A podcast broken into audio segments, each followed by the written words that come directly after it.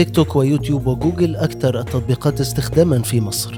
نسبة الفشل الطبيعية في الشركات الناشئة تتخطى 90% وتكنولوج راعي إعلامي للدورة السادسة لمؤتمر الأمن السيبراني يعتبر إنجاز نفخر به بدأنا نحط ال cyber security في lab للتدريب قطاعات مختلفة من الدولة. صباح التكنولوجيا من جديد. أحدث الأخبار المحلية والعالمية في أول نشرة تكنولوجية مسموعة في مصر. تكنولوج على كل منصات البودكاست. تكنولوج بودكاست برعاية e-finance و ITIDA تقرير صادر عن الجهاز القومي لتنظيم الاتصالات قال إن تيك توك ويوتيوب وجوجل هي المنصات الأكثر استخداما بين المستخدمين في مصر بنهاية شهر يوليو. وسجل حجم الاستهلاك على الإنترنت 667 ألف تيرا بايت شهد سوق الشركات الناشئة خلال الفترة القليلة الماضية بعض الأخبار غير الإيجابية منها أزمة لشركة كابيتر وإعلان بريمور عن إعادة هيكلة بسبب ديون على الشركة وجدولتها للموردين. الأزمات دي ظاهرة طبيعية جدا في سوق الشركات الناشئة في الوقت اللي بتشير فيه التقارير العالمية إن نسبة الفشل في ال startups حوالي 90% وأكدت إن 10% من الشركات بتفشل في أول سنة. تفاصيل أكتر في graph الحلقة. أكد هانز صالح المدير الإقليمي ل Garena في الشرق الأوسط وشمال أفريقيا على أن مسابقة Free Fire The Battle of Egypt شهدت مشاركة 16 ألف لاعب وأكد في حوار خاص أن الشركة بتدعم بيئة الألعاب الإلكترونية بالتعاون مع وزارة الشباب والرياضة. في الوقت نفسه فاز الفريق المصري رعد في مسابقة الألعاب الإلكترونية اللي أقامها الاتحاد العربي للألعاب الإلكترونية في العاصمة السعودية الرياض فاز فيها على الفريق السعودي. تغطية خاصة لهذه المسابقة على موقعنا.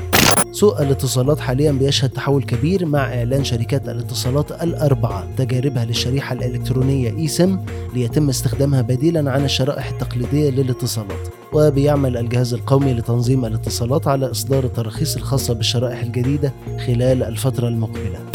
أيضا من الأخبار المهمة جدا في قطاع الاتصالات موافقة الجهاز القومي على نقل تبعية حصة الأغلبية في فودافون مصر لشركة فوداكوم الجنوب أفريقية وقال أيمن عصام رئيس العلاقات الخارجية والحكومية في فودافون إنها منتظرة عدد من الموافقات من جهات أخرى لنقل التبعية النهائية.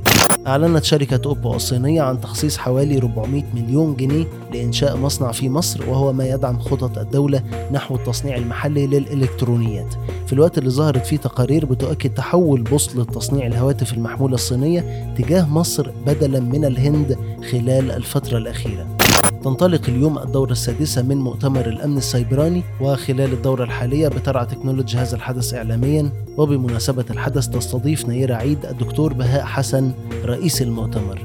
حضرتك شايف طبعا التحول الكبير اللي بيحصل والتحول الرقمي وكمية الإقبال على التكنولوجيا ده بيقابله طبعا تغير في حلول الأمن المعلوماتي وهجمات طبعا حتى الكترونيه حضرتك شايف المشهد ده إزاي في مصر وعالميا؟ والله هو من التطور في مجال التحول الرقمي وما يتبعه من معلومات مهمة جدا بتنزل على نظم المعلومات وخطورة إنها تتعرض للهجوم. ده مؤثر جدا في إظهار أهمية الأمن السيبراني والاهتمام به وخصوصا بعد ما شفنا في الحروب الحرب اللي شغالة الأيام دي إن هم بيستخدموا الحرب الإلكترونية في مهاجمة قواعد البيانات وتدميرها أو مهاجمة الدول بوسائل زي ال drones وبعض التحكم من طريق الاقمار الصناعيه كل الوسائل اللي هي بتستخدم في الحروب دلوقتي بتظهر أهمية الأمن السيبراني ما زاد أهميته كمان إن الشباب اللي هم الهاكرز بدأوا يطوروا نفسهم وبدأوا يستخدموا أساليب حديثة أو نظم جديدة أو tools جديدة بتظهر بتساعدهم على محاولة اختراق الأنظمة اللي هي تشتغل من خلال شبكات الاتصال أو شبكات النت أو اتصالات الأقمار الصناعية.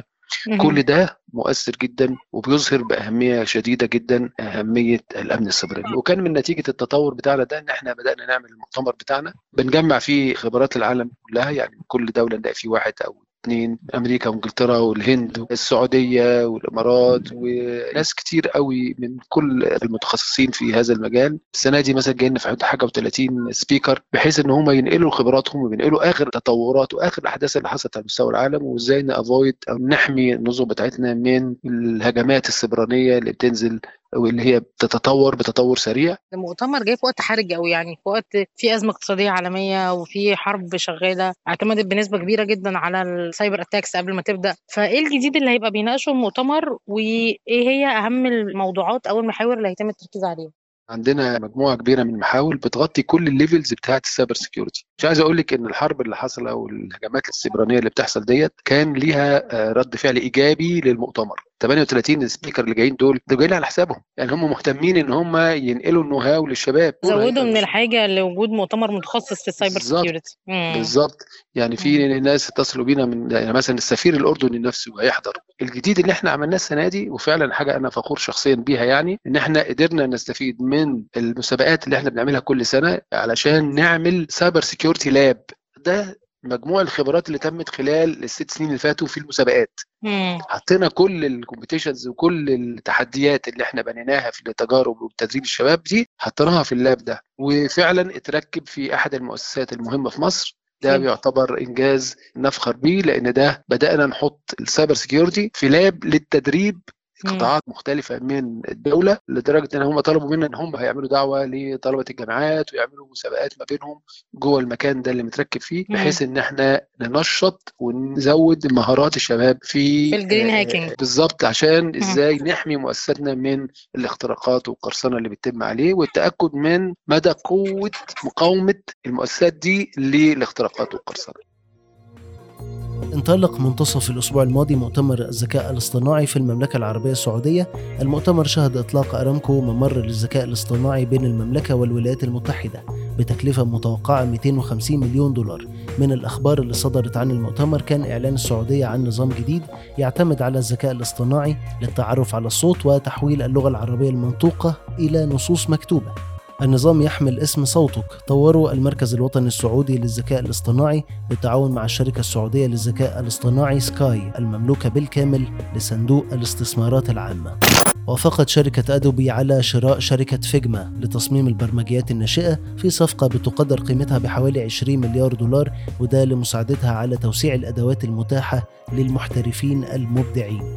الاتحاد الدولي للاتصالات قال إن أكثر من تلت سكان الأرض ليس لديهم إمكانية للوصول للإنترنت. وهو ما يمثل حوالي 2.9 من عشرة مليار نسمة مؤكدا أن 40% من القارة الأفريقية متصلة بالإنترنت فائق السرعة فيما تصل تلك النسبة إلى 70% من المنطقة العربية. فتحت أوبر تحقيق في ملف اختراق الشركة اللي تسبب فيه أحد مهندسي الشركة في الأسبوع الماضي. المخترق تمكن من خلال البريد الإلكتروني الخاص بمهندس الشركة من الوصول لاجتماعات سلاك الخاصة بأوبر وكتير من البيانات الخاصة بها وكان ليه إمكانية الوصول إلى بيانات المستخدمين بالكامل.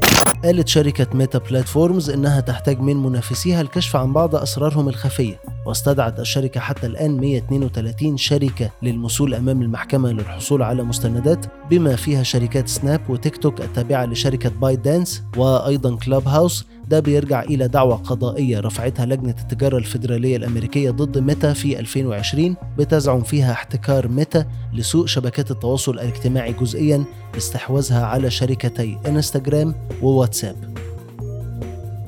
Technology Podcast برعاية e-finance و ITIDA أخبار أكتر على Technology dot news